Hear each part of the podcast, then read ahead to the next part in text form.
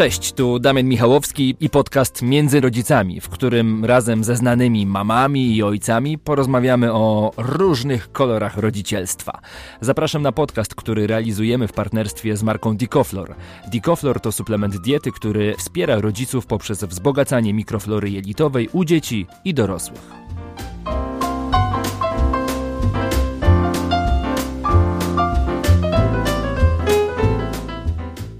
Dzień dobry. W dzisiejszym odcinku łączę się z Islandią, by porozmawiać z popularną podcasterką Joanną Okuniewską, a prywatnie mamą dwuletniej Helenki. Będziemy poruszać temat wyzwania, jakim jest zarówno dla rodzica, jak i dziecka adaptacja w żłobku, a także jednoczesna istota zachowania spokojnej głowy w tym wszystkim. Halo Asiu, dzień dobry, kłaniamy się. Dzień dobry. Jesteś mamuśką Heleny od dwóch lat. Zanim przejdziemy do tych żłobkowych spraw, to yy, opowiedz, mhm. jaką masz taką historię, o, o której sobie myślisz, o rety, ale to ona mi wywinęła numer. Z Heleną chyba mam wrażenie, że codziennie mogłabym jakąś e, komedię z nią kręcić.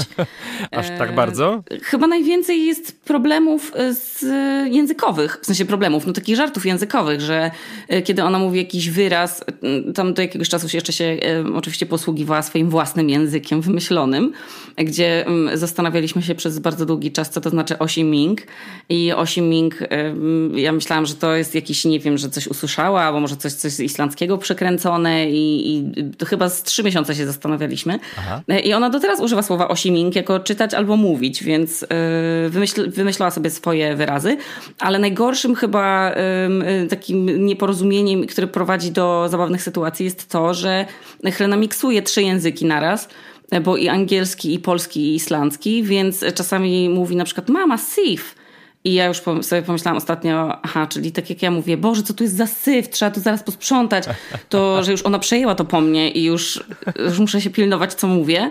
A okazało się, że sif to jest po prostu jakiś, nie wiem, z islandzkiego coś w stylu mieszać, czy coś, coś po prostu pokazała na łyżkę i że, że, ma to, że, ma, że to jest jakieś narzędzie, które, którego chce użyć i coś związanego z tym e, powiedziała. Natomiast ja już się przestraszyłam, że muszę gryźć się w język i bo już moje dziecko nawet powtarza, że mamy bałagan w domu.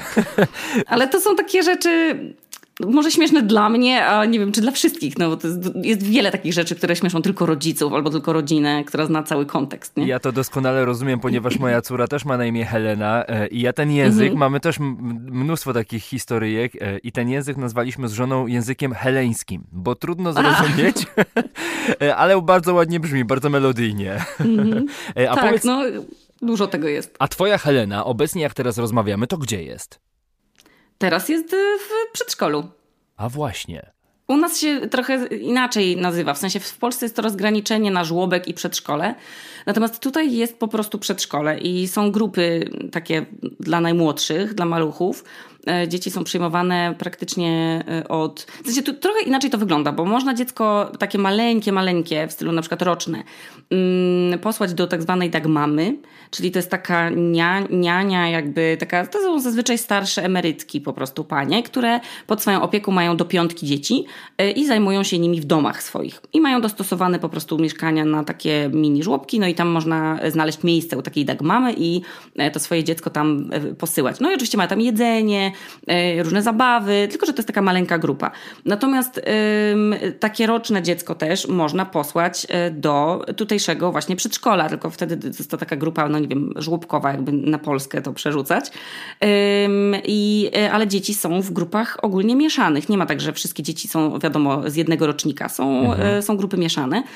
I Helenę, my, my, to też nie jest tak, że to jest tak łatwo na Islandii z tymi przedszkolami no bo bardzo ich brakuje. Brakuje też personelu w przedszkolu, bo mm, też trochę te, te, ta proporcja opiekunów na liczbę dzieci jest inna i tutaj my mamy no trójkę dzieci na jednego opiekuna, e, więc tych opiekunów kilkoro jest e, po prostu w, w sali. I ja mam wrażenie, że nam się bardzo późno udało Helenę e, posłać do żłobka, bo to było jak miała 18 miesięcy skończone, więc, więc dosyć późno. No i teraz właśnie mhm. jest w przedszkolu. Asia, zanim porozmawiamy sobie o tych różnicach między Islandią a Polską, żłobkiem, przedszkolem, to ja chciałbym zapytać o to, czy ty od razu chciałaś wysłać Helenę do placówki, nazwijmy to tak.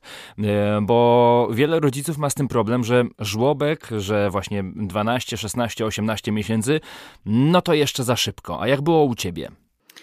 Y, my z Amadeuszem długo dyskutowaliśmy na ten temat, y, tylko że pewnie gdybyśmy mieszkali w Polsce, to ja bym chyba nie miała potrzeby wysyłania Heleny do, do żłobka, ponieważ ja mogłabym z takim spokojem e, w głowie znaleźć na przykład Helenie nianie, bo e, tu się złożyło na to, na, na te decyzje kilka spraw, e, ale główną naszą potrzebą, główną naszą potrzebą w, w kontekście tego żłobka to było to, żeby Helena miała po prostu kontakt z językiem islandzkim. Mhm. I gdybyśmy mieszkali w Polsce i Helena nie miałaby potrzeby szybkiej adaptacji do tego języka i też takiego, no bo wiadomo, teraz dzieci są w tym wieku jak gąbka, po prostu chłoną wyrazy, y, chłoną nowe języki, więc e, wiedzieliśmy, że to jest dobry moment, że ona jeszcze będzie w tym wieku, który, bo jak gdyby poszła na przykład do, do żłobka mając 3 lata, no to stanowiłoby to już duży problem, bo wtedy dzieci są już komunikatywne i mówią, trafiałaby do grupy, w której dzieci już by się ze sobą porozumiewały, a ona nie rozumiałaby, co do niej mówią yy, i panie nauczycielki, i właśnie inne dzieci. I my się zastanawialiśmy długo. Yy, natomiast ja chciałam wrócić do pracy, która nie jest gdzieś tak wyszarpywana po prostu w nocy jakieś godziny, czy dwie godziny rano podczas jej drzemki. Ja się czułam po prostu, yy, no, że to, to moje nagrywanie, czy, czy jakaś praca twórcza, to było wyszarpywanie sobie tych godzin z codzienności. E, było to bardzo męczące i nie sprawiało mi przyjemności i też kurczę, no to, to, była wieczna gimnastyka i logistyka. E, że jak chciałam coś nagrać, to Amadeusz musiał niezależnie od pogody zabrać Helenę w wózek, wyjść gdzieś jeździć z nią samochodem. Absolutnie było to y, logistycznie bardzo trudne. Y, Amadeusz też wrócił do pracy, więc y, no, wiedziałam, że będzie więcej tych dni, kiedy ja nie mogę sobie w ciągu dnia pozwolić na pracę, a jednak pracuję z ludźmi, którzy pracują w Polsce w ciągu normalnego etatu, tak? Czyli po mhm, prostu w ciągu mhm. dnia, kiedy ja pracować nie mogłam. I, i to było dość skomplikowane. No i ten język, który nam cały czas siedział w głowie. My zatrudniliśmy nianie Helenie. Y, dwa razy w tygodniu przychodziła do nas e, taka nastolatka Lilia, która się bawiła z Heleną. I myślałam, że to jej mocno pomoże w tej adaptacji żłobkowej i że już będzie miała jakieś podstawy islandzkiego, że już będzie trochę rozumiała. I faktycznie trochę kumała, ale to nadal uważam, że nie jest wystarczająco niż takie zanurzenie się w języku, gdzie wszystko słyszy się po islandzku i, i, i z poprawnym akcentem, mm, że jest się po prostu zanurzonym w tym języku dookoła i nie ma się szans na, y, że tak powiem, jakąś deskę ratunku w postaci kogoś, kto wytłumaczy nam coś po polsku. Wtedy mózg się po prostu przestawia w zupełnie inny tryb, takiego mm, jest się bardziej wyczulonym na mimikę, na gestykulację, próbuje człowiek się dociec, co, co ta osoba mówi w tym innym języku i mózg się wiele po prostu szybciej przyzwyczaja do tego i adaptuje, więc dla, dla nas to było bardzo, bardzo istotne. Czyli z tego, co mówisz, no to ten język był tutaj naj, najważniejszy. A ja Dokładnie. pamiętam, ja pamiętam przy pierwszym e, swoim dziecku e, wysłaliśmy je do żłobka. E, ja bardziej naciskałem, żeby jak najprędzej go oddać. Żona miała pewnego rodzaju obawy, że czy czasem nie jest właśnie za mały, co z tym lękiem separacyjnym, mhm. ale pamiętam doskonale, że jak już e, Henio poszedł do tego żłobka i moja żona dostała takie najpierw dwie czy trzy godziny takiego wolnego, nazwijmy to, że po prostu ma czas wyłącznie mhm. dla siebie, to ona nie wiedziała, co ma z tym czasem wolnym zrobić. Nie wiedziała, e, a oczywiście można było zrobić wszystko, e, a usiadła mhm. po prostu i mówi o rety tak wygląda życie bez dziecka. Zapomniałam trochę na moment, jak, jak to jest. I, I po pewnym tak czasie. było. No właśnie, po pewnym czasie mówiła, że jejku, super, przyjemnie, naprawdę fajnie, nie ma się czego bać.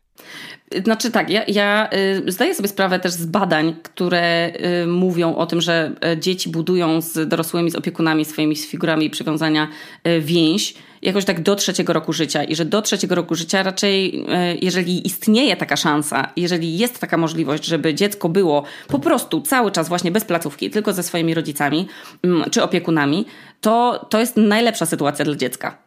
Po prostu, e, jeśli chodzi o budowę, o tworzenie więzi z rodzicem, e, tego bezpiecznego stylu przywiązania, mm, to dzieci w tak małym wieku nie potrzebują na przykład, bo niektórzy mówią, a no, bo tam, żeby się socjalizowało, ale mhm. dzieci się nie socjalizują w wieku dwóch lat w żłobku, tylko uczą się tych um, zachowań społecznych od rodziców, od tego, czy rodzice są uprzejmi, czy sobie pomagają, jak współpracują, że się o siebie troszczą. Tego się dzieci uczą. Nie muszą się, nie wiem, bawić zabawkami ze sobą i się integrować. Więc tak ludzie myślą, nie? Że, jak, że trzeba posłać te dzieci, ale też oczywiście jest duża, duże grono tych przeciw, znaczy przeciwników, osób, które mają inne zdanie i właśnie mówią o tej budowie więzi.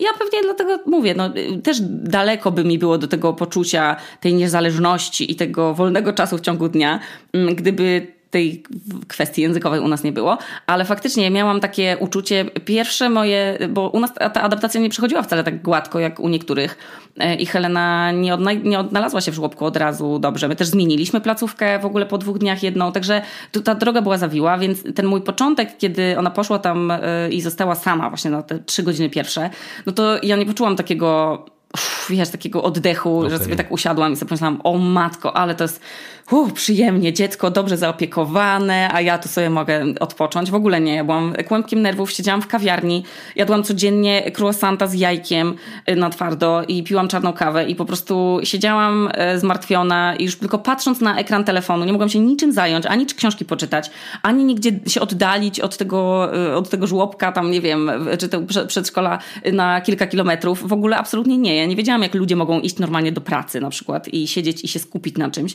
bo ja byłam byłam po prostu, no mówię, cały czas patrzyłam na ekran, czy już nie dzwonią, żeby przyjść, bo nie wiem, Helena ma jakieś załamanie czy coś, więc mm, ja dużo czasu jeszcze upłynęło, zanim ja się tak wychillowałam i sobie pomyślałam, a dobra, to teraz już mogę się zająć swoimi sprawami i sobie włączyć, Aha. nie wiem, serial w ciągu dnia, albo po prostu posprzątać w domu, czy gdzieś pojechać do sklepu, który nie jest, yy, nie wiem, kilogram, y, boże, kilogram, kilometr od, yy, od yy, żłobka. To w ogóle tak nie wyglądało u mnie. Asia to... Zazdroszczę rodzicom, którym, u których tak to wygląda. E, Asia, to właśnie wracając do tego e, początku adaptacji, bo ja pamiętam twój mhm. wpis na Instagramie, w którym napisałeś, że był bardzo stresujący dla całej rodziny okres adaptacji Heleny do żłobka. Mówisz o tym, że placówkę trzeba było zmienić po dwóch, trzech dniach. To jakbyś mogła mhm. trochę więcej o tym opowiedzieć. E, na czym polegał ten, ten, ten wielki stres? To właśnie był taki stres trochę e, już z perspektywy czasu na wyrost, czy to był stres, bo był czymś spowodowany, czymś zasadnym? Mm, no my byliśmy bardzo podekscytowani, bo jak dostaliśmy informację, że to było w marcu, bo wtedy się trwają zapisy, później się czeka, czy się dziecko dostało. No i jak dostaliśmy informację, że, że Helena się dostała do tego mm, przedszkola niedaleko domu naszego, gdzie chodzi nasza sąsiadka z góry, którą Helena bardzo lubi, to uznałam, że w ogóle super i byliśmy bardzo podekscytowani, bo nie dość, że to jest bardzo blisko, e, po drugie plac zabaw Helena dookoła tego przedszkola bardzo lubiła, więc ja ją zabierałam tam wcześniej, żeby się oswoiła z tym miejscem, że zobacz, tu będzie twoje przedszkole i myślałam, że robię w ogóle w tym, w tym procesie adaptacji wszystko super, tak książkowo, że właśnie tak oswajałam, że mhm. albo y, mamy też jedno przedszkole totalnie pod domem, z okien widzimy jak dzieci przychodzą, rodzice y, y, przywożą, dzieci później po nie przyjeżdżają, więc też opowiadałam Helenie, że zobacz, dziś teraz rano dzieci przyjdą się bawić, a, a później po południu jej pokazuje, zobacz, tata wrócił, zabrał dzidzie, więc jakby cały czas myślałam, że robię wszystko git. E, I byliśmy bardzo podekscytowani, odliczaliśmy już dni i też urządziliśmy Helenie małą, e, małe przyjęcie. Przyszły dwie ciocie i zjedliśmy ciasto. Właśnie Helena zdmuchnęła świeczkę, dostała balonik właśnie z okazji tego, że idzie do przedszkola, żeby też tak, u, u, żeby poczuła, że to jest jakiś taki fajny moment w życiu, że warto to celebrować. E, I też jak on, jak mówiliśmy jej, że idziemy do przedszkola, to ona była okej okay z tym. Tylko, że jak poszliśmy do tego przedszkola, to jakby ja nie poczułam takiego nie wiem, takiego, bo te panie, które tam pracowały, panie nauczycielki, były ekstra, były naprawdę tam w przedszkolach w, w, na Islandii pracują naprawdę fajni ludzie i też to podejście do dzieci jest bardzo przyjemne i mam wrażenie, że, że Helenie te ciocie tam też odpowiadały i mi też absolutnie 100%, y, ale miałam wrażenie, że Helena trafiła po pierwsze do bardzo, bardzo malutkiej grupy, w sensie ma, małych dzieci, e, takich dzieci, z którymi ona nie ma, ona woli zazwyczaj starsze e, od siebie mhm. dzieci, bo e, są bardziej e, mobilne i bardziej wygadane i Helena jest taka bardziej wtedy zainteresowana nimi, no natomiast raczej ma gdzieś te małe, takie czołgające się jeszcze y, dzieci. E, więc lubi, lubi jednak interakcje ze starszymi od siebie zazwyczaj. To po pierwsze, więc ta grupa była taka bardzo małych dzieci. Ona była tam jedną ze starszych, więc widziałam, że taka była, cały czas była u nas na rękach przyklejona, co było akurat dla mnie normalne, no bo wiadomo, to nowe miejsce. Ja też bym się stresowała, jakbym poszła do nowego miejsca. Też bym się pewnie chciała przytulić e, do swojej mamy. E, nawet w nowej pracy czy coś. Więc byłam taka, ta, ta, ta, sala była też tak słabo wyposażona. W sensie, oczywiście to jest, jakby ja pamiętam swoje przedszkole z lat 90 e, i wydaje mi się, że wtedy było więcej w nim zabawek niż w tym, do którego my trafiliśmy e, za pierwszym razem. No i też zauważyłam, że dzieci nie mają za bardzo. Um, ja nie oczekiwałam też od placówki nie wiadomo jakich atrakcji, że mi tam będą, wiesz, jakiś mm. w ogóle teatr cieni, nie wiem, tam tak. olimpiady tak. dla dzieci codziennie. To w ogóle nie, zwłaszcza w okresie adaptacji, kiedy dziecko musi, wiesz, tę rutynę poznać, takie poczucie bezpieczeństwa. Najpierw najważniejsze jest ta więź z opiekunami, a nie tam, żeby od razu miała atrakcję. Ale zauważam, że po prostu bardzo mało tam dzieci robią. Y, mało jest zajęć plastycznych za, za, zaplanowanych, bardzo mało jest um, takich jakichś, um, no nie wiem, związanych ze sztuką. Helena bardzo lubi malować i lubi takie rzeczy manualne, jakieś klejenie z mas i coś tam. I, a dowiedziałam się od jednej z opiekunek, tak, tam, która jest Polką i po prostu się jej szczerze spytałam, czy to przedszkole jest przedszkolem, w którym się robi dużo rzeczy, czy to jest tak zwana przechowalnia dzieci. Mhm. I ona powiedziała, kurde, wiesz co, no jeśli ci zależy na tym, żeby jednak było tam jakieś fajne zajęcia, żeby to, to raczej nie tutaj, że tutaj dyrekcja jest raczej taka no, zachowawcza, nie, nie, nie, są e, raczej otwarci na jakieś nowe pomysły, więc. E, Taki zimny lepiej... nordycki chów, tak? Mm, trochę tak, ale to było przedszkole akurat otwar- najbardziej, które stawiało na wolną zabawę, czyli ta swobodna zabawa, która najbardziej rozwija e, właśnie w dzieciach wyobraźnię. Tylko, że jakby, no mówię, nie poczułam tam, było pyszne jedzenie, w ogóle bardzo ładnie tam było, duże okna, w ogóle super, ale też na przykład okazało się, że ten plac zabaw, na który zabierałam Helenę tyle czasu, jest cały w przebudowie. Mhm całe po prostu wjechały tam maszyny i nie było placu zabaw w tym przedszkolu w ogóle. Więc ja wiedziałam, że nawet wychodząc na dwór, a to jest bardzo duża część dnia e, islandzkich dzieci, e, to jest zabawa na dworze, na placu zabaw, że to jest kurde, no nie, że, że to, to, to nam nie zagra. E, I po prostu po tych dwóch dniach, jak widziałam, że Helena nie jest tam zadowolona, nie wraca podekscytowana, zwłaszcza, że kiedy wracała do domu, odtwarzała na mm, figurkach jakichś takich małych laleczkach, że mama przyszła, później mama poszła, mimo tego, że byłam, byliśmy z nią przez trzy trzy dni takie całe na adaptacji, łącznie z drzemką, mhm. jedliśmy z nią, y, w sensie nie razem, no raz ja, raz Amadeusz, ale po prostu poczułam, że to nie jest miejsce, do którego ja będę pewna, że ona się po prostu tam fajnie rozwija.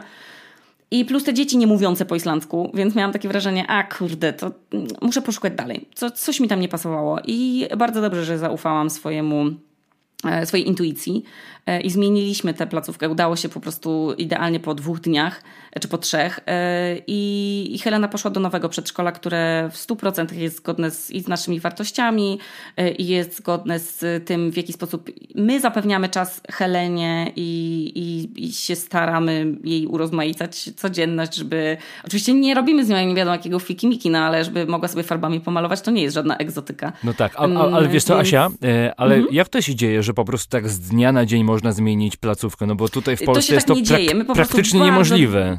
Tak, my po prostu bardzo dobrze trafiliśmy. To był absolutny przypadek, że akurat w tym przedszkolu, ja też byłam w trzech placówkach, jeszcze um, robiłam rozeznanie, jeździłam jednego dnia razem z przyjaciółką, jeździłyśmy, pytałyśmy, żeby też zobaczyć, jak wygląda sala, jak wygląda plan dnia, um, jak wygląda dieta tamtych dzieci, bo też niektóre te stołówki y, w przedszkolach podają hot dogi na przykład, nie? -hmm, A mhm. Helena raczej nie sądzę, żeby zjadła hot doga na obiad, albo ja przynajmniej nie chciałabym, żeby jadła y, notorycznie coś takiego, więc, yy, więc robiłam sobie taki research, no ale wiadomo, mówili mi tam, że właśnie jest lista oczekujących. Natomiast do tego przedszkola, do którego przenieśliśmy Helenę, udało się po prostu prawie no, z dnia na dzień. Nie dość, że akurat y, udało się dotrudnić kolejnego opiekuna, bo to, to była tak naprawdę przeszkoda, że, że nie można było wziąć kolejnej, y, kolejnych dzieci. Po prostu nie było wystarczająco opiekunów, żeby właśnie właśnie był ten, ta proporcja tych trzech, czterech dzieci na, na jednego opiekuna. Więc y, udało nam się po prostu, y, może to nam było po prostu pisane. Trójka, czwórka dzieci na jednego opiekuna to jest naprawdę niewielka liczba, jak tak sobie myślę y, i patrzę na mhm. nasze placówki. E... Tak, ja byłam w ogóle zszokowana. Ktoś mi napisał, że u niego jest jedna opiekunka na dwudziestoro dzieci. No właśnie. Nie, nie wiem, jak to jest w ogóle możliwe. W sensie, jeżeli ona idzie, jeżeli ta pani idzie zmienić pampersa dziecku, to kto się zajmuje tymi dziećmi? No, Same sobie, same się zajmują, Ja uczą się, słuchaj, w sensie uczą się jest- dorosłości szybko. Chyba tak, no, chyba wkraczają w dorosłość. Może E. mają, może wtedy ona wyznacza jakiegoś dyżurnego dwulatka, który odpowiada za grupę. I potem takie dziecko wraca do domu i rozstawia rodziców po kątach. Tak, nie, nie wiem, przeraziło mnie to po prostu. Asia, a powiedz mi, kiedy Helena jest w placówce, kiedy Helena jest w przedszkolu, nie ma dookoła ciebie nikogo, to co ty Mhm. robisz z tym wolnym czasem? Pracuję, a co ty robisz? O, rety, a jak nie trzeba pracować? No to załatwiam jakieś sprawonki y, w stylu, na przykład czasami trzeba posprzątać w mieszkaniu, więc robię to. Y, Chodzę na jogę, na przykład dzisiaj o 12 idę na jogę, Helena będzie wtedy miała drzemkę, a ja y, będę mogła w ciągu dnia pójść na jogę. Ym, y, No co, pomagam przyjaciołom, jeżeli czegoś potrzebują, ale też czasami po prostu leżę i sobie czytam książkę no, albo oglądam serial, Bo wiesz co, bo ja tak mm, ale e, to rzadziej. piję, piję do tego, że ja pamiętam jak e, oddaliśmy dzieciaki e, i też oczywiście człowiek jest w takim armagedonie trochę czasowym, że robi rzeczy sto naraz, praca, dzieci, dom, praca, dzieci, dom i nagle przychodzi taki moment w trakcie, nie wiem, kwartału czy roku, że przez chwilę usiądziesz na kanapie i tak, chata wysprzątana, praca załatwiona, dzieci nie ma, seriale, seriale obejrzane i sobie myślisz, kurde, nuda. Co tutaj Nie zrobić? miałam jeszcze takiego, słuchaj, momentu. Nie miałaś? U mnie nigdy nie mam tak, że o, cała chata wysprzątana, bo przecież ona to później wraca z placówki i znowu robi bałagan. Ale nie, nie, nie mam takiego. Ja w ogóle cały czas patrzę i mówię, o nie, już jest dwunasta. Czyli jeszcze tylko trzy godziny. Sobie, to już tego się nie opłaca, tego się nie opłaca, już na zakupy nie pojadę tak daleko, to coś tam. I, i no, czasami mi się uda. O, to, to, to jest akurat fajne, bo Amadeusz też ma czasem okienka w ciągu dnia, no to jesteśmy w stanie iść na randkę w ciągu dnia.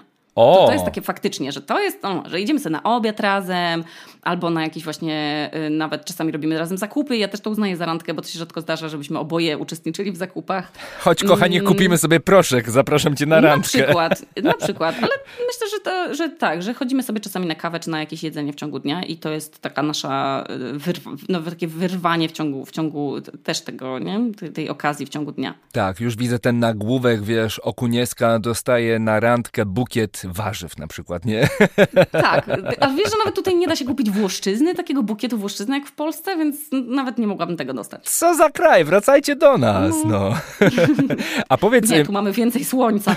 ale wiesz to, e, wracając jeszcze do e, tak naprawdę tego, do początku naszej rozmowy, czyli tak naprawdę nie chodziło wyłącznie o język, bo z, e, e, powodem posłania Heleny do żłobka był język, ale już e, e, sama socjalizacja, nazwijmy to tak szeroko, w środku także ma szalenie wielkie znaczenie. To znaczy, jeżeli nie są fajne zajęcia, jeżeli nie są fajne panie, jeżeli nie są fajni opiekunowie, no to coś z tym dzieckiem trzeba zrobić, czyli to, co się dzieje tam w środku, także jest bardzo istotne. Tak, i myślę, że też duże znaczenie ma poczucie bezpieczeństwa rodzica. Ja się nie czułam tam do końca bezpiecznie z tego względu, że y, po prostu tam wszystko, cała komunikacja odbywała się po islandzku. I nawet jeśli ja zadawałam jakieś pytanie, to miałam wrażenie, że było ono takie trochę zbywane, że te panie czasami nie wiedziały w sumie, tak, w sumie to, wtedy to zależy. I ja tak miałam takie wrażenie, kurde, czy one nie znają po prostu dobrze angielskiego, więc nie mogą się ze mną porozumieć? Czy po prostu tam wszystko jest takie jakieś, nie wiem, takie no, niedogadane. Mm, I mi zależało, żeby, żeby przedszkole było w dobrej komunikacji z rodzicami. I to jest mega istotne, żeby, Tak, żeby tak. rodzice się dobrze mogli komunikować z, z placówką i też nauczyciele, żeby byli otwarci y, na, na komunikację. I e, akurat w tym e, przedszkolu, w którym teraz jest Helena, e, wszystko jest i po e, islandzku, i po angielsku, ponieważ, ponieważ jest bardzo e, wielu mm, imigrantów, dzieci po prostu imigrantów w, w, tym, w tej placówce. Więc dla mnie to jest no, o wiele czuję większy komfort, widząc, że mogę się porozumieć po angielsku z każdym z opiekunów. Plus jeszcze jest to tam pewna forma szacunku, że nawet maile są w dwóch językach, żeby każdy czuł się zaopiekowany. Mm, Więc to jest, wydaje mi się, również to, co się dzieje, co dzieci robią w, w żłobku. To oczywiście, że każdy rodzic chce, żeby jego dziecko miało tam zapewniony mm, ciekawy ciekawy plan dnia, żeby oczywiście ja nie oczeku, nigdy nie oczekiwałam, że żeby tam były jakieś nie wiadomo jakie zajęcia, bo uważam, że dzieci są od tego, żeby się bawić, a nie uczyć chińskiego, czy tam nie wiem. Chociaż też pewnie te zajęcia są e, w przedszkolach poprzez zabawę. Tylko chodziło mi o to, żeby po prostu były tam właśnie czy jakieś zajęcia plastyczne, czy żeby dzieci mogły, nie wiem, swobodnie tańczyć, czy jakieś, e, wiesz, takie elementy aktorstwa, że na przykład u Heleny jest jakaś skrzynka z przebraniami i dzieci się mogą po prostu swobodnie przebierać i wcielać się w różne role. Mm, I, i mam wrażenie, że to są po prostu że ludzie, którzy tam pracują, poświęcają więcej trochę serca do tego. Wiesz, ja mam okay. mamę nauczycielkę, która od zawsze, myślę, że to w ogóle śmiałam się z moją mamą, że po prostu moja mama mnie rozpieściła pod tym względem, bo ja pamiętam, że moja mama się przygotowywała do zajęć zawsze, że wymyślała jakieś po prostu fantastyczne um, um, scenariusze zajęć, żeby te dzieci się nie, nie nudziły. Wykorzystywała zawsze jakieś, ona to wykorzystuje, wiesz, kodowanie dla dzieci, jakieś w ogóle aplikacje, no po prostu zawsze zastanawia się, co jeszcze może więcej zrobić, żeby tym dzieciom jeszcze przyjemniej się uczyło, y, żeby jeszcze bardziej czuły, że chcą chodzić do tego, że a co ciekawe pani Jola dzisiaj wymyśli. I ja oczekiwałam trochę tego, że inni nauczyciele też tacy są. Oczywiście nie można y, zawsze tego wymagać od wszystkich, natomiast miałam wrażenie, że, że przedszkole i żłobek, zwłaszcza w takim pierwszym okresie, kiedy dziecko pierwszy raz styka się w ogóle z jakimkolwiek, nie wiem, wiadomo, instytucją edukacyjną, żeby to miało. Ja mam same fantastyczne wspomnienia ze swojego przedszkola. Więc ja nie miałam nigdy takiego, że na przykład się wahałam, czy Helenę posłać, bo może nie wiem, może będzie jej tam będzie płakała za mamą, albo żeby ja pamiętałam, jak moja mama wychodziła. Absolutnie nie. Ja w ogóle fantas- ja mam super wspomnienia z, z, z przedszkola. Ja pamiętam, co ja tam robiłam. Pamiętam układ sali, ale ja mam po prostu jakiś taki skill do pamiętania. Moi znajomi nie mają takich wspomnień z tak wczesnego um, okresu życia. Ja mam. I to jest, i to dla mnie zawsze się kojarzyło z czymś ekstra. I pamiętam w ogóle, że nam rozkładali takie, na przykład takie gumowe maty, nie wiem skąd oni to wzięli, pewnie gdzieś z Niemiec przywiezione to było. Takie, taka wielka kolorowanka, która zajmowała cały stół i była zrobiona z gumy, albo z takiego, to była jakby taka cerata, którą dało się zmywać. Mhm. I dostawaliśmy takie flamastry i można było te kolorowanka, ona była tak dookoła stołu, bo zajmowała całą tę płachtę, tak, takie domki to były.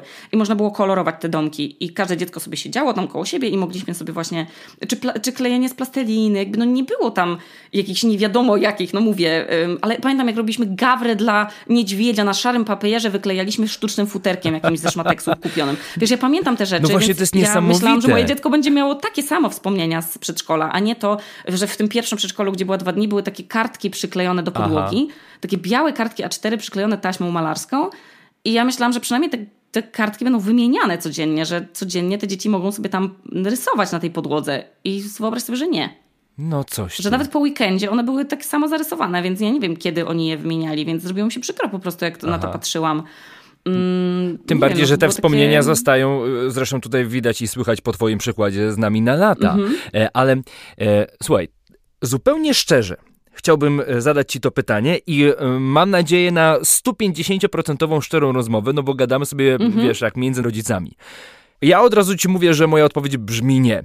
E, na, na pytanie, które za chwilkę zadam Tobie. Mhm. Czy Ty byłabyś w stanie zapewnić tyle atrakcji dla swojej Heleny, ile zapewniają atrakcji na przykład w żłobku? Tak. I, tyle, I tyle zajęć, tyle, e, tyle, e, nie wiem, kreatywności. Ja, przyznaję tak. się, nie byłbym w stanie 8 e, na przykład godzin czy 6 godzin albo tańczyć, albo malować, mhm. albo spacerować, albo bawić się e, cały I co czas. robisz albo... ze swoim dzieckiem, no, jak musisz z nim być 8 godzin? Jak? No, no to wtedy się bawię. Wczoraj robiłem origami. No Słuchaj, wczoraj robiłem origami, wczoraj robiłem samolocik, e, wczoraj śpiewaliśmy mhm. i, i, i się bawiliśmy. Ale trudno mi sobie wyobrazić siebie żebym po prostu przez 7 dni w tygodniu y, robił dokładnie to samo z tymi dziećmi, co robione jest w żłobku. Wydaje mi się, że tam mają więcej takich możliwości, więcej jakichś bodźców e, mhm. i że, że, że tam mogą po prostu, nie wiem, jakoś rozwinąć trochę skrzydła. Ja też tak uważam. Znaczy mam tak, ja jestem, e, tak jak już mówiłam, córką nauczycielki. Więc ja po prostu wymyślanie zabaw, jakieś budowanie torów przeszkód, jakieś zrobienie wiesz, czegoś z niczego mam po prostu wyćwiczone przez to, że pochodzę z takiego domu. Yy, więc ja mam, ja, ja zapewniam, myślę Helenie, jak Helena jest chora, albo jak jest weekend, to robimy bardzo dużo rzeczy fajnych w domu. Yy, I, yy, I to nie zawsze są takie fajne. No teraz był e, w, w, w, grudniu, to cały czas gdzieś byliśmy z Heleną, a to na, wiesz, w teatrze dla dzieci, a to na koncercie w, w Filharmonii dla dzieci, więc zawsze ona miała jakieś takie też dodatkowe atrakcje. Natomiast jeżeli jesteśmy w domu, to ja naprawdę z ręką na sercu jestem w stanie, oczywiście są dni, kiedy nie mam na to siły i wtedy mhm. po prostu robimy mniej ale ja jej cały czas wymyślam jakieś fajne, czy lepienie, czy gotowane, gotowanie wspólne. Myślę, że ja bym świetnie się odnalazła w pracy w żłobku i byłabym bardzo dobrą panią, taką główną panią nauczycielką grupy, bo ja bym codziennie wymyślała coś super. Zwłaszcza, że mamy naprawdę taki dostęp do tych wszystkich TikToków, nie wiem, tak. kanałów dla dzieci, jakichś w ogóle książek, y, YouTube, jakby jest pełen pomysłów, co można robić z dziećmi, z jakichś papierów, wiesz, po prostu plastelin i tamtych innych. Więc wydaje mi się, że na maksa dałoby się to zrobić, tylko trzeba chcieć i lubić. Ja na przykład lubię sobie wyjąć ten kij z dupy czasami i po prostu, wiesz, chodzić po podłodze i udawać psy i na przykład pół dnia spędzić jako pies e, i wszystko robić po psiemu i chodzić na spacer po psiemu i zastanawiać się, jak wodę będzie pił pies i udawać i starać się z Heleną pić wodę z miski jak pies. Więc my robimy bardzo dużo takich głupot e, i, i myślę, że to mogłabym prowadzić Słuchaj, grupę przedszkolną. To ja ci teraz powiem, że ja kiedyś z dziećmi rozmawiałem po waleńsku, udawałem walenia i to no. było... No właśnie, i to możesz robić cały Wiesz, dzień. i oni mi odpowiadali, więc takie rzeczy no. rodzicom są bardzo dozwolone. Ja uwielbiam ten taki tak. stan. Ale jednak w żłobkach ludzie, jeżeli pracują tam osoby, które naprawdę lubią to, co robią, a bardzo często się tak zdarza, bo Aha. też po mojej Helenoweli, którą publikowałam e, na, na moim profilu, gdzie właśnie omówiłam o tych trudnościach z adaptacją, e, z naszymi początkami w żłobku, e, dużo osób, które właśnie to są takie bardzo, mm, poświęca, poświęcają się swojej pracy, dużo osób się takich odezwało, że że codziennie się starają, żeby były atrakcje w, u nich w grupach, że codziennie się starają, żeby właśnie coś fajnego z rodzicami wymyślać. I ja uważam, że Helena ma w tym w żłobku, w którym jest teraz, w tym przedszkolu, ma fantastyczny czas. I ja nie, jest, nie byłabym w stanie dać jej takiego rozwoju, ponieważ Helena chodzi do, ze względów, wiadomo, prywatności, nie chcę mówić, mhm. jakie to jest przedszkole, bo jest bardzo charakterystyczne, mm, ale jest to przedszkole, w którym Helena uczy się jogi, uczy się medytacji, oczywiście uczy, to w cudzysłowie, ponieważ w przedszkolach i żłobkach w, na Islandii się dzieci nie uczą to jest w ogóle nie. W ogóle sama nazwa Leikskoli. Lejka to jest zabawa po islandzku. I tutaj nie ma tak jak ja pamiętam, że myśmy się uczyli chyba w ogóle angielskiego nawet w przedszkolu. I, albo jakieś rytmiki czy coś, tutaj jakby w ogóle nie, nie ma, przedszkola nie są nastawione na żadną naukę, tylko, tylko i wyłącznie na zabawę mhm. Mm, i po prostu nauka z tego wynika. Natomiast yy, mają i jogę, więc jak ona mi pokazuje pozycje z jogi, które ona zna, to mi wychodzą gały z orbit. Naprawdę, jestem zszokowana, bo ja chodzę sama na jogę i jak ja widzę, jak ona jest elastyczna i jakie ona robi rzeczy, jak ja mówię, chodź zrobimy z mamą y, jogę, to tam rozciągamy się przez 5 minut na podłodze. Jak ja patrzę, jakie ona mi pokazuje pozycje, to sobie myślę, w ogóle kto ją tego nauczył? Tak, tak, tak. Y, I, i, I Helena ma, y, uczą się jakichś tam piosenek, w sensie mają porę jakąś, kiedy puszczają muzykę, piosenki i teraz party, więc Helena mówi, że idzie na party, no i skaczą i tam uczą się, więc Helena się uczy bardzo dużo przede wszystkim języka i, i stale praktycznie mówi po islandzku w domu. Mhm. Co ciekawe, po islandzku mówi w domu, a w przedszkolu mówi po polsku. I nie wiem, czy robi to w cudzysłowie złośliwie. Po Typowa Helena, słuchaj. No. Tak, dokładnie. Czy robi po prostu na odwrót, czy testuje reakcję, czy coś, więc nie Może wiem, no tak to jest być. dość zabawne. E, ale mam nadzieję, że zaraz jej to przejdzie i, i sobie poprzestawia, gdzie, w jakim języku ma mówić.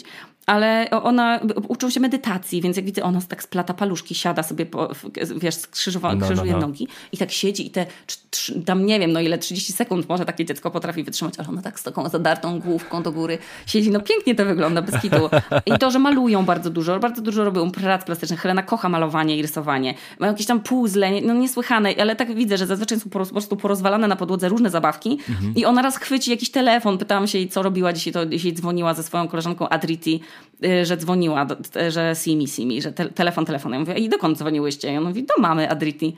Więc rozmawiały dzisiaj przez telefon sobie z tą mamą tej dziewczynki i udawały, że tam dzwonią. Mają super plac zabaw, więc y, jakby to jest ich stała rutyna dnia, żeby dwa razy dziennie wychodzić na podwórko biegają po tym podwórku. Tam też jest dużo takich zabaw, które są fajne do współpracy, więc, y, więc wiem, że tego też y, jej zawsze brakuje, bo ja nie lubię z nią wychodzić w brzydką pogodę, a tam wychodzą nawet jak wieje i leje i po prostu jest obrzydliwie, to te dzieci siedzą w tych kałużach i ona jest bardzo zadowolona. Ja sama bym chciała do tego przedszkola chodzić. Właśnie, słuchaj, chciałem, jest... chciałem to no. powiedzieć, no. że po prostu tak o tym opowiadasz, że ja najchętniej bym się tam Naprawdę? zapisał nie jako, nie jako rodzic, nie jako opiekun, tylko tak. jako, wiesz, człowiek, do Ty którym wiesz, trzeba się opiekować. Tam jedzenie?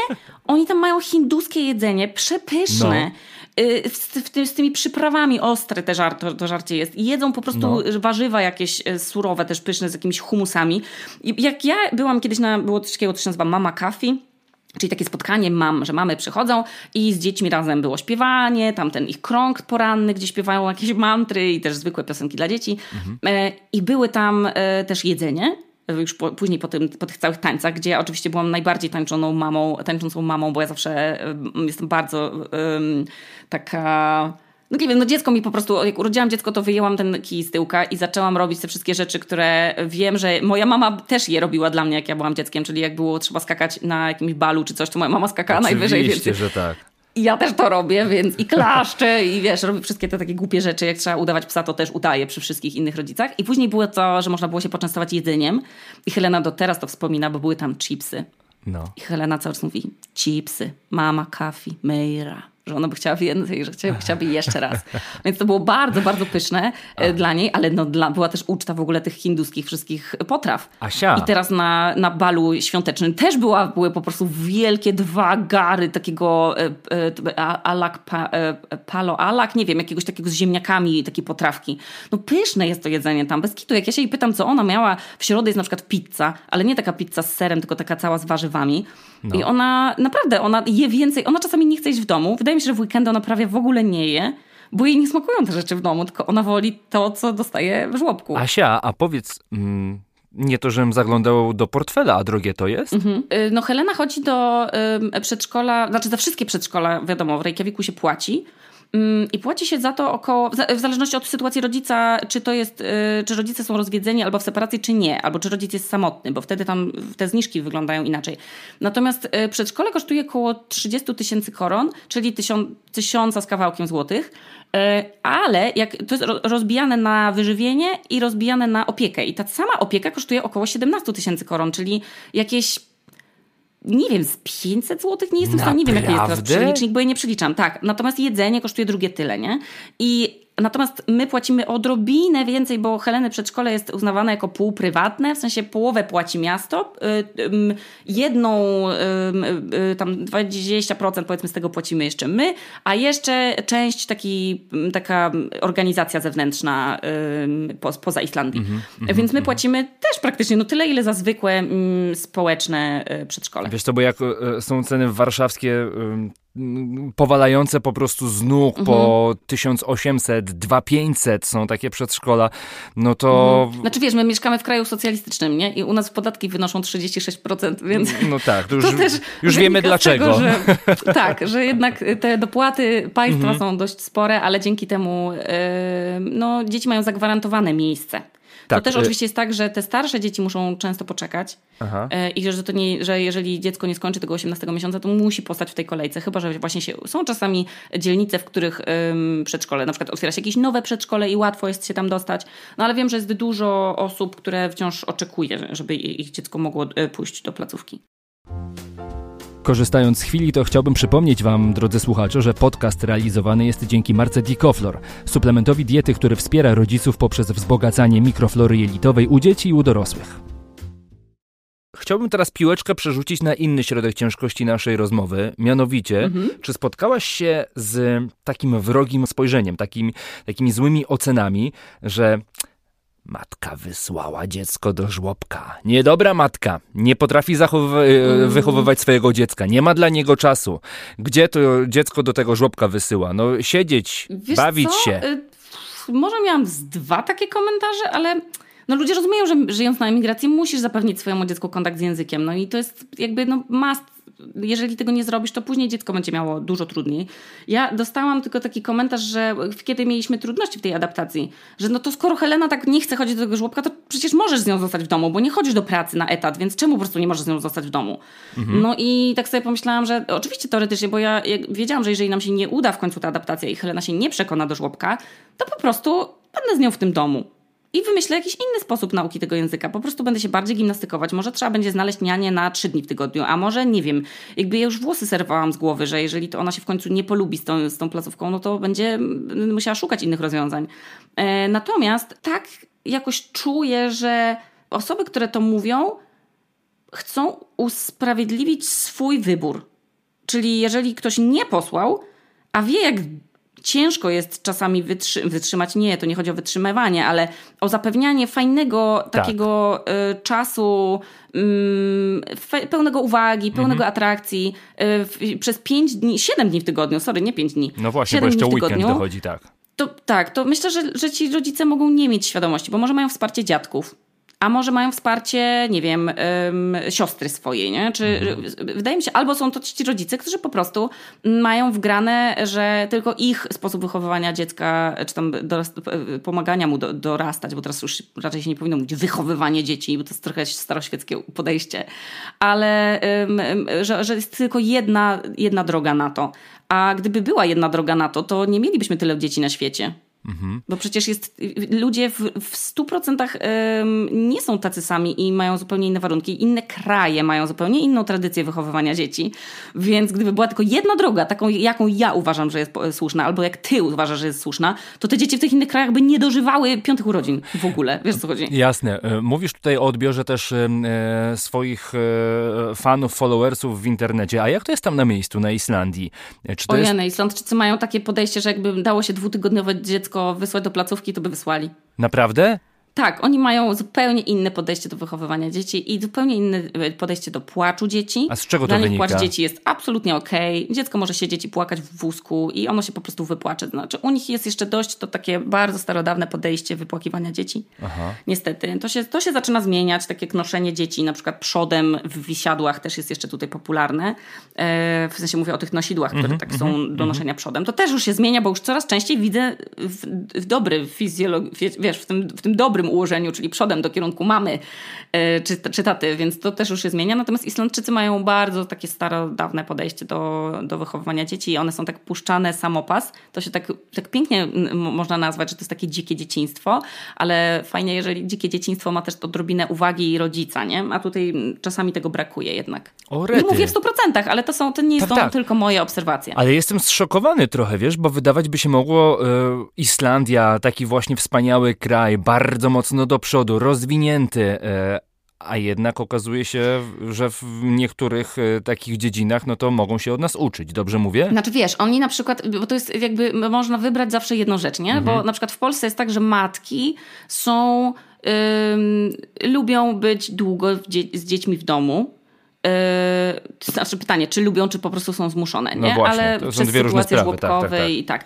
Ale może część z nich lubi. Bardzo są takie, kurczę, nie wiem, powiem po angielsku tak dedicated, nie? Czy takie, no właśnie nie wiem jak to powiedzieć, takie, że czują, że to jest ich powołanie, że, że chcą zostać z dziećmi w domu. I ja mam sama takie koleżanki i one po prostu lubią to. W sensie one naprawdę korzystają, one się spełniają w tych rolach. A bardzo dużo Islandek jednak po prostu chce wrócić do pracy. Mhm. I, I, jest ten rynek w pracy w Islandii skonstruowany w taki sposób, żeby kobietom było łatwo wracać na rynek pracy. Mm, też z tego powodu są um, urlopy tacierzyńskie, e, tak samo jak jest urlop macierzyński i tacierzyński, one trwają tyle samo, można się dzielić po prostu dowolnie tym, tym okresem.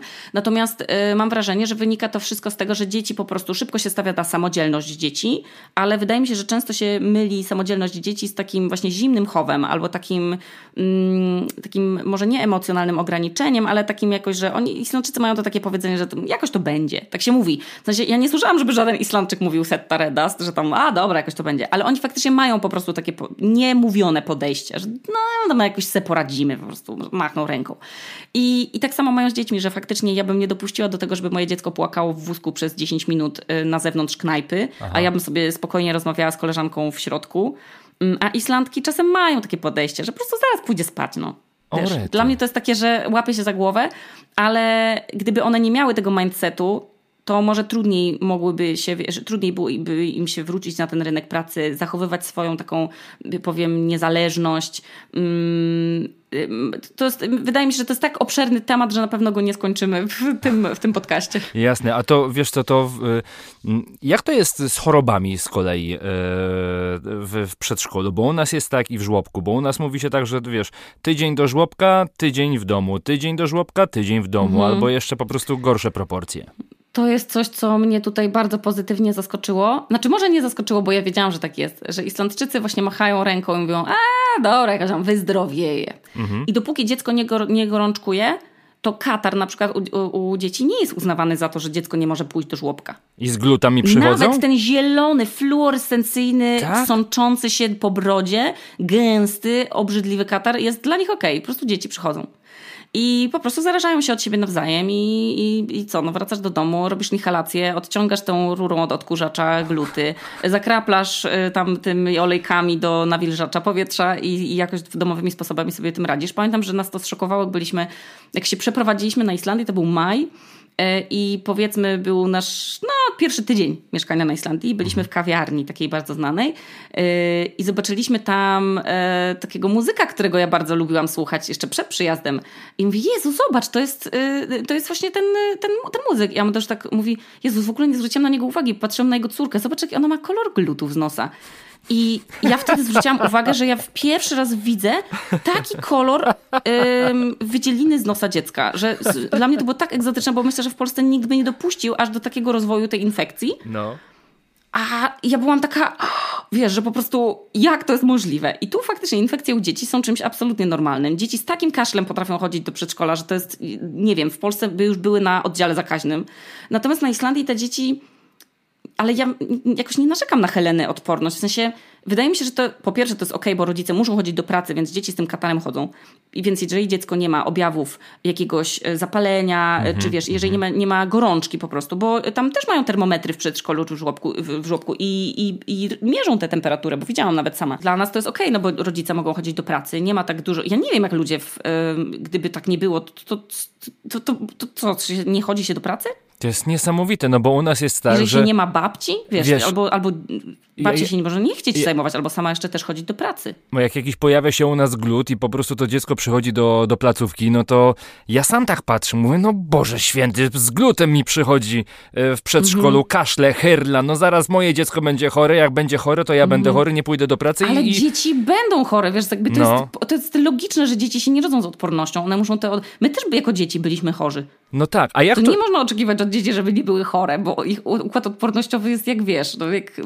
To jak się tam leczy dzieci, powiedz? O, słuchaj, no jest jedna nazwa leku, której nie mogę wymienić, którą zna cały świat i które po prostu nie działa i ja, nawet ja się śmieję, że to w ogóle to można równie dobrze podać, wiesz, łyżkę miodu i mm -hmm. mieć taki, taki sam efekt. No ale po prostu zbija się gorączkę ym, z środkiem przeciwbólowym, przeciwgorączkowym i tyle. Już? I to nie nawet tym silniejszym, no. który już brzmi tak bardziej, że myślisz, o, no, to mm -hmm. ma prawo działać. No. Tylko tak, nie, proszę podać to i to i tam, że za pięć dni proszę wrócić. Ale ja nawet nigdy nie byłam Heleną u lekarza. Bo ja wiem, że, że to nie ma absolutnie sensu chodzenie tutaj z dziećmi do Jak? lekarza, bo Jak to nie było? Lekarz po prostu mówi, że nie da antybiotyków, bo tu się nie daje dzieciom antybiotyków. Bardzo rzadko, jeżeli jest jakieś tam zapalenie ucha, bo tutaj akurat dzieci mają chyba najczęściej zapalenie ucha. No to na zapalenie ucha antybiotyk. No, no to u nas tego antybiotyku się nie podaje. No, są oczywiście sytuacje, że już jeżeli jest y, duże zakażenie, no to tak, to dostają dzieci pewnie krople. Mhm. Natomiast bardzo się dużo mówi o inhalacjach, i, ale tutaj na przykład nie da się kupić dziecku inhalatora. Tutaj nie ma takich w ogóle metod. Ja mam wrażenie, że. Słuchaj, to było w ogóle świetne, bo nasza e, babcia, mama Amadeusza, zwiozła nam całą walizkę leków. My mhm. musimy jako emigranci sobie radzić w taki sposób, że po prostu wszystkie e, suplementy, leki zwozimy sobie po prostu z Polski. No i mama e, Amadeusza przywiozła nam te wszystkie jakieś, nawet na gardło dla dzieci, bo tutaj jak dziecko ma zapalenie gardła i nie może jeść i go boli gardło przy przełykaniu czy coś, tutaj nie ma nic, co możesz kupić dziecku w aptece. Ani jednej rzeczy. Jest tylko jeden syrop na kaszel suchy i drugi na, syrop, na kaszel na syrop, na e, syrop na kaszel mokry. I co śmieszne, jeżeli sobie przetłumaczysz przez Google Translate albo po prostu ulotką sam w domu, czy dobry, dobry ci kobieta w aptece sprzedała, to okazuje się, że sprzedała ci zły i że podajesz na kaszel mokry coś na kaszel suchy. Także gratuluję wszystkim, którzy się tak samo nabrali jak ja. E, natomiast wszystkie te leki zwieźliśmy, e, ta babcia przywiozła nam z Polski, no i Któregoś dnia zapytałam, jeszcze zanim to się wydarzyło, zapytałam mojej sąsiadki z góry, tej co też ma dwulatkę, mhm. mówię, słuchaj, czy ty masz coś na, nie wiem, na gardło? Co tutaj można kupić w aptece na gardło? Bo Helena ma zapalenie chyba gardła, nie może jeść, mówi, że ją boli i w ogóle bardzo ma temperaturę. Ona mówi, kurde, wiesz co, no nie wiem, my zazwyczaj po prostu dajemy dużo picia. Ja mówię, dobra, no to dziecko musi nawilżać w ten. I ja mówię, ty, a jakiś porost islandzki? A on mówi, co? I ja mówię, no porost islandzki. No. A on mówi, ale że, że, że co z nim? Ja mówię, no nie wiem, jakiś syrop? W Polsce jest dużo rzeczy z porostem islandzkim. On mówi, pierwsze słyszę. Rozumiesz, Islandka na Islandii. Była zdziwiona, że stosuje się jakiś porost islandzki w różnych suplementach i różnych lekach, bo to on, dla niej to było coś egzotycznego. On mówi, nie, ja myślałam, że ty mówisz ten ze sklepu do gotowania. Ja mówię, nie, no przecież u nas on jest na kaszel, tam na, pewnie jest. na jakieś bolące te. I później, trzy tygodnie później jej córka była chora też na gardło. I ja jej w końcu napisałam, ty słuchaj, babcia zwiozła nam bardzo dużo różnych, yy, różnych rzeczy, które można przy dziecku stosować, jeżeli boli gardełko. I ona do mnie zapukała, taka, Boże, macie coś z tej Polski?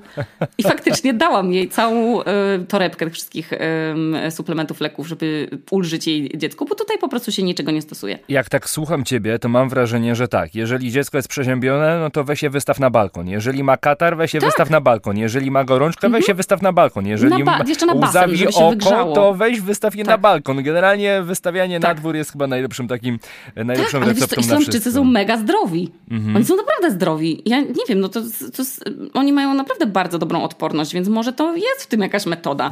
No nie wiem, my teraz, jak tylko ja, ja już jak widzę, że dostajemy maila, że jest jakaś choroba, no to ja po prostu Helenie, wiesz, prewencyjnie probiotyki dawaliśmy. I tak samo, y, jak, mhm. była, jak było y, ogłoszenie, że y, jest jakaś tam ospa czy coś, to nie, sorry, że były wszy. I tak sobie myślę, Jezus, co na wszy? I googlowałam i okazało się, że są jakieś spinki do włosów z odstraszaczem. No jak to co? Na balkon wystawić? To. Na balkon. No może, nie, nie sądzę, żeby wszy ginęły przy, przy takim mrozie, jaki mamy. A powiedz Asia, co byś przeniosła z Polski do Islandii, jeżeli chodzi o placówki i w drugą stronę, z Islandii do Polski? Czego ci brakuje, będąc tam w placówce mhm. dla, dla dzieciaków? O kurczę, ciężkie pytanie, bo ja trochę nie znam placówek w Polsce, no bo nie, nie mam w ogóle doświadczenia. No ale mama, tak? No tak, I ale pewnie koleżanki, koleżanki, ludzie, którzy piszą w internecie. Yy, chyba nic. No okej. Okay. Tak serio, tak totalnie yy, szczerze, chyba nic. A przytulenie na przykład? Przytulacie się tam? Panie się przytulają? No tak, totalnie tak? tak. No i to Helena bardzo, bardzo ma swoje ulubione ciocie mm -hmm. i mhm. my mówimy ciocia, żeby trochę skrócić ten dystans, bo pani to jest takie, rzadko się tu, tu się zazwyczaj mówi, że przecież mówi do siebie na ty, więc, więc nagle to takie pani to jest jeszcze większe oddalenie niż to takie na ju, więc, więc mówimy po prostu ciocie mm -hmm. e, albo wujkowie w, w przedszkolu. Mm, no nie, nie wiem, naprawdę nie wiem. Okay. Chyba tą multikulturę. O, w Polsce chyba e, przeniosłabym z Islandii do Polski tę multikulturowość, którą tutaj mamy. Czyli po prostu te różnice rasowe absolutnie nikt nie zwraca na nie uwagi i Helena też nie zwraca uwagi na kolor skóry swoich koleżanek, kolegów. W ogóle nie jest to żadne, wiesz, nie jest to żadne zaskoczenie, że każdy jest z innego kraju, że z tego można w ogóle czerpać, z, z tego bogactwa, więc to jest fajne. A z Polski chyba bym tutaj przeniosła Pogodę. Pogodę? No, że dzieci mogą, wiesz, wiosną na przykład wychodzić na dwór, na podwórko i chodzić tylko Aha. w takich cienkich ubrankach, nie? No tak. Bo tutaj jednak zawsze te gale takie jednoczęściowe, to nawet latem y, po prostu dzieciom wygodniej nawet w tym. A powiedz, a Amadeusz, on na początku y, miał jakieś inne zdania a propos placówki, czy od razu wiedzieliście, że chcecie iść w tę w tę stronę? Amadeusz bardzo, y, o wiele bardziej ode mnie przeżywał niż tak niektórzy krzywdząco mhm. mówią, że o, to u nas to było lepiej jak tata odwoził córkę. No to bo mniej płakała, czy coś tam. To tro robi trochę to z ojców takich w ogóle, o, że bo przy ojcach to tam dziecko nie chce nawet płakać, ten ojciec to taki, że nawet nie reaguje na ten płacz dziecka, że jakoś łatwiej mu zostawiać to dziecko, że on co, że nie jest mu smutno, że na przykład dziecko płacze przy rozstaniu? Nie wiem, to tak miałam wrażenie, że jak mi ludzie tak mówili, to takie krzywdzące Nie, to ja ci, nie, nie, nie, poczekaj, poczekaj to, to ja muszę wkroczyć, bo ja też jak e, zaprowadzałem dzieci do, do placówek, no to jakoś mniej płakało, ale nie przez to, że jestem chyba bardziej mhm. zimny czy oschły do swoich mhm. dzieci, tylko że jak żona odprowadzała, no to jeszcze bucik zawiąż że tutaj 13 no. buziaczków, pa, pa, no pa, pa, pa, pa, pa. Ja to a, jak... a, a, czemu traktować wszystkich ojców, że oni tak właśnie mówią, dobra, to pa, buziak, pa. I, no nie, nie, nie, ja po prostu jak, jak wchodzę, mamy swój rytuał, że wiesz, że no. przytulasek, buziaczek, piąteczka, miłego dnia, kocham cię i dziecko leci. E, I nie było tak, że po prostu wiesz, o, otwieram drzwi, wrzucam dziecko i uciekam. No, bo ja to tak rozumiałam, jak ktoś mi tak mówił, a Amadeusz jest a bardzo taki tak emocjonalny być, no. i tak nie wiem, no Helena z nim tak samo przeżywała jak ze mną, więc mieliśmy bardzo dużo metod, prób, w jaki sposób oswoić Helenę z przedszkolem od po prostu przynoszenia pieczenia babeczek czy tam ciasteczek i przynoszenia później ciociom na następny dzień, od zabierania jakiejś myszki, która musi, jeszcze nie widziała rybek w akwarium, więc trzeba też zabrać myszkę z domu, pokazać rybki w akwarium w przedszkolu, jakieś tam te rysowanie tatuażyków na rękach nam się w ogóle nie sprawdziło, bo jak Helenę, Helenie już w domu rysowałam ten tatuażyk, to ona już płakała. A jakie rysowanie, bo to ciekawe? No, że sobie rysujesz sobie jakieś serduszko na ręce e, i, i dziecku i wtedy jak dziecku jest smutno, to może zobaczyć, że razem z mamą czy z tatą mają taki sam tatuażyk. A, no ale u Heleny okay. to jeszcze bardziej e, działało płaczliwie, więc w ogóle to nie było dobre. A te babeczki ale mi się też... podobają, ten pomysł tak, z, z babeczkami. Tak, że w domu i mówimy, o, to jutro zaniesiemy cioci i opowiemy, opowiemy jak ty piekłaś, e, jak Helena byłaś kucharką. Mm, dużo mieliśmy jakichś takich trików, żeby, żeby Helenie było tam łatwiej, ale to też nam dzięki temu było łatwiej, wydaje mi się, mhm. bo to na początku faktycznie było dla nas emocjonalnie trudne, bo Helena wiemy, że mało rozumiała. Tam jeszcze była taka rotacja, że ona się zdążyła przywiązać do takiej jednej cioci, która y, zmieniła lokację, w sensie po prostu przeniosła się do innego, do pracy bliżej domu, y, do, do innego przedszkola i Helenie po prostu pękło wtedy serce i miała taki trzy tygodnie y, ciężkiego czasu, kiedy w ogóle nie chciała chodzić, bo już się zdążyła wiesz, przyzwyczaić, przywiązać, przestała chcieć tam jeść, taka była osowiała, nie chciała się bawić z dziećmi i to było dla nas, o serce mi pękało. Ale w momencie, i ja tak mówię, bo mówiliśmy, że ciocia jest chora po prostu, mhm. bo najpierw to było takie zwolnienie lekarskie, więc mówiłam, że ciocia jest chora i za dwa tygodnie wróci, czy tam za, zaraz wróci, a później się okazało, że ciocia po prostu zmienia pracę od razu po, po zwolnieniu lekarskim i wtedy uczciwie po prostu powiedziałam Helenie, Helenka, ciocia Angelika już nie wróci. Musimy y, tę sytuację y, jakoś przeżyć. Możesz na mnie liczyć. Możemy sobie popłakać, albo możemy sobie potupać, mm. albo możemy pójść jutro i zobaczyć, jakie inne są fajne ciocie. I ona po prostu od tego dnia, jak ja jej powiedziałam, tak jakby przestała na tą ciocię czekać. I po prostu poszła i to się wszystko skończyło. Ta cała udręka nasza tego po prostu codziennego, że ona nie chce i tego, płaka, tego płaczu, który no, trzeba było brać na klatę nie? i nie unikać go, tylko po prostu siedzieć z tym dzieckiem w szatni i, i, i przytulać i oswajać, też pokazywać, że te cioci są okej, okay, że wiesz, tam też była adaptacja, ja też chodziłam, ja Amadeusz chodził z Heleną, poznawaliśmy jakie są fajne zabawki, jak mają dzieci na imię, a teraz Helena już ma swoich ziomków tam po prostu, już wiesz, już Helena w czwartek, tak, w czwartek jakiś kolega e, Chroły ją ugryzł w twarz, więc w piątek Helena inne dziecko ugryzła i, i, i teraz już po prostu oni są ziomkami, słuchaj, z Chrołym. No, już no. Chroły jak Hannibal wgryzł się po prostu w Helenie w policzek, do teraz ma ślad, a teraz ona się z nim ziomkuje, już się bawi, mówi, że Chroły knusa, że się przytulili fajnie, że w ogóle wiesz. A powiedz I, Asia, i też, a tak, no. tak z perspektywy czasu, jak już ta Helena tam trochę chodzi do tego przedszkola, czy ty jesteś mhm. zadowolona z tego, że ona tam chodzi nie tylko ze względów językowych? Tak, tak, bo ona przychodzi taka szczęśliwa stamtąd, bez kitu. Ona już w niedzielę pyta, czy idzie. I to nie jest takie, że oczywiście dzisiaj mhm. rano wstałam, powiedziała o singing, nie, nie o, o, uto in. Ona mówi na uto in, jako że to jest jakiś tam element piosenki, którą śpiewają w przedszkolu. Y, ut to jest do, do, na zewnątrz, a in to jest do środka, więc to jest chyba, że drzwi się otwierają po prostu w autobusie, to z tej piosenki. To na uto in nie, uto w domu, Inga w domu. Ja mówię, Helena, wiesz co, ale będziecie śpiewać w kręgu, będzie przecież ciocia taka i ciocia taka i na pewno Izak już na ciebie czeka i Adriti na ciebie czekają i będziecie pewnie się bawić dzisiaj, a może będziecie dzisiaj na śniegu się bawić.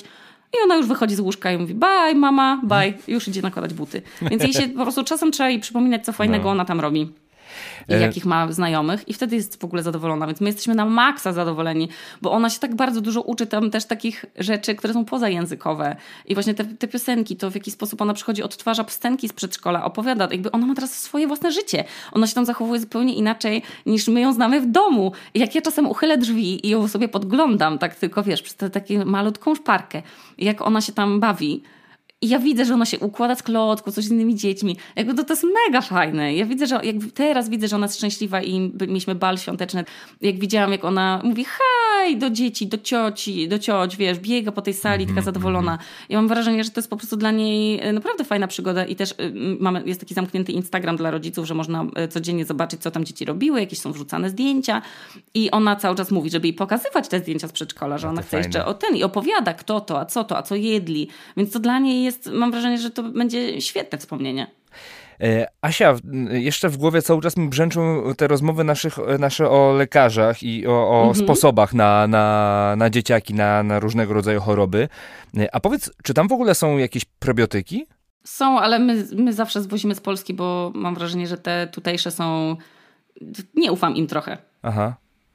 Czyli... Ale, ale tak, Islandczycy stosują probiotyki, ale też dorośli bardzo y, dużo i też jak ktoś ćwiczy na przykład sport, w sensie jak ludzie uprawiają sport, to wiem, że też probiotyki stoją normalnie w lodówkach przy odżywkach, y, mhm. tych wiesz, białkowych różnych takich szejkach do wypicia. Ten naród taki bardzo ciekawy jest, bym powiedział. I chyba życie tam musi być bardzo kolorowe, co? To wiesz co, no, to prawda. Stale mnie coś zaskakuje. Asia, ale bardzo Ci dziękuję za tę rozmowę, bo wydaje mi się, że mm, opowieść o tym, że człowiek może się bać przed pójściem dziecka do żłobka, do przedszkola jest czymś normalnym, czymś, mhm. co chyba każdy rodzic przeżywa, bo no przecież chcemy dla naszych dzieci jak najlepiej. Strach, tak, obawa... Tak, że zmiana placówki nie jest niczym strasznym. Dokładnie. W sensie, że to naprawdę warto jest podjąć tę decyzję zgodną ze swoim sercem, niż później żałować. Myślę, że jeżeli Helena by została w, w tym poprzednim przedszkolu, to bardzo bym żałowała i nie, mia nie miałabym takiego poczucia, że ona ma tam tak dużo atrakcji, że robi takie fajne rzeczy i że te ciocie, które tam pracują są naprawdę super. Um, mhm. i, i ciocie i wujkowie, bo ma tam też e, takich opiekunów. Także no, no, ja myślę, że trzeba podążać za głosem serca e, i też czasami akceptować to, że nie wszystkie dzieci są gotowe w tym samym czasie. Dokładnie tak. I jeszcze, e, co jest bardzo ważne, o czym też bardzo fajnie mówiłaś, to, że trzeba być wielkim, najlepszym wsparciem dla swojej pociechy w wieku 18 miesięcy, w wieku 16 miesięcy, mhm. dwóch latek, bo te dzieci po prostu z tego czerpią 100%. To jest niebywało, ile możemy dać tym dzieciom, ile nasze słowa ważą dla tych naszych dzieciaków. Tak. E, a my czasami o tym zapominamy, że te nasze słowa mają moc i mają gigantyczne znaczenie. Dlatego no, mhm. no, bycie wsparciem w tych trudnych momentach, powiedzenie kilku dobrych, ciepłych słów jest szalenie istotne. Jeszcze ci powiem na koniec bardzo śmieszną, um, tak, znaczy śmieszną zmian, jak zmieni, zmieniłam perspektywę, bo wcześniej mówiłam, oczywiście nie chciałam mówić Helenie, nie płacz, nie masz się, zobacz, mhm. ta dziedzia nie płacze, no bo to są bardzo krzywdzące komunikaty, które wcale tak. nie ułatwiają, bo ja, sobie, ja się zawsze zastanawiam, czy mi byłoby ok, gdyby mi tak przyjaciółka powiedziała. Mhm. I więc ja zawsze, zawsze kieruję takie komunikaty, jakbym mówiła po prostu do Heleny, nie do mojego dziecka, tylko do mojej przyjaciółki. Czyli widzę, że ci trudno, kurczę, chciałabym ci jakoś pomóc, powiedz, jeżeli mogę coś zrobić. I pamiętam, że mówiła mi Helenko, ale przecież w przedszkolu czeka na ciebie, przecież wiesz, lubisz tam chodzić, fajnie tam jest, przecież bardzo tam, tam jest twoja ulubiona ciocia, ja przyjdę po ciebie. I któregoś dnia, jak nie chciałam iść na siłownię, i byłam tam tylko raz. I to, to moja przyjaciółka na powiedziała, Asia, ale przecież ty lubisz ćwiczyć, przecież ty chcesz iść do siłowni, tam jest fajnie, czeka na ciebie bieżnia, ja z tobą pójdę. I sobie pomyślałam, o nie, to w ogóle mnie nie wspiera. Chciałabym usłyszeć, wiem, że ci się nie chce, mi też się nie chce, ale po prostu coś fajnego porobimy po siłowni. Jakoś się tam się przemęczymy, zobaczymy, może będzie fajnie. I to by mi o, bardziej, o wiele łatwiej, bardziej pomogło niż takie mówienie, no Asia, weź, będzie fajnie. I jak zapomniałam, o Boże, co za bullshit, nie będę tego mówiła mojemu dziecku. Dokładnie I przestałam. tak. Dokładnie tak. Asiu, to była ogromna przyjemność porozmawiać razem z Tobą. Czasami się różnimy, ale e, wymiana doświadczeń jest szalenie ważna, więc super. Bardzo Ci dziękuję. Wszystkiego dobrego Tobie życzę. Dziękuję. Tobie również. A naszym słuchaczom dziękujemy za to, że byliście razem z nami w tym odcinku i zachęcam do słuchania kolejnych rozmów podcastu Między Rodzicami, który powstaje dzięki marce Dicoflor, suplementowi diety, który na co dzień wspiera rodziców poprzez wzbogacanie mikroflory jelitowej u dzieci i u dorosłych. Jeśli podobał Ci się ten odcinek, oceń go pozytywnie, zostawiając 5 gwiazdek na Spotify lub zostaw łapkę w górę na YouTubie. Do usłyszenia w kolejnej rozmowie.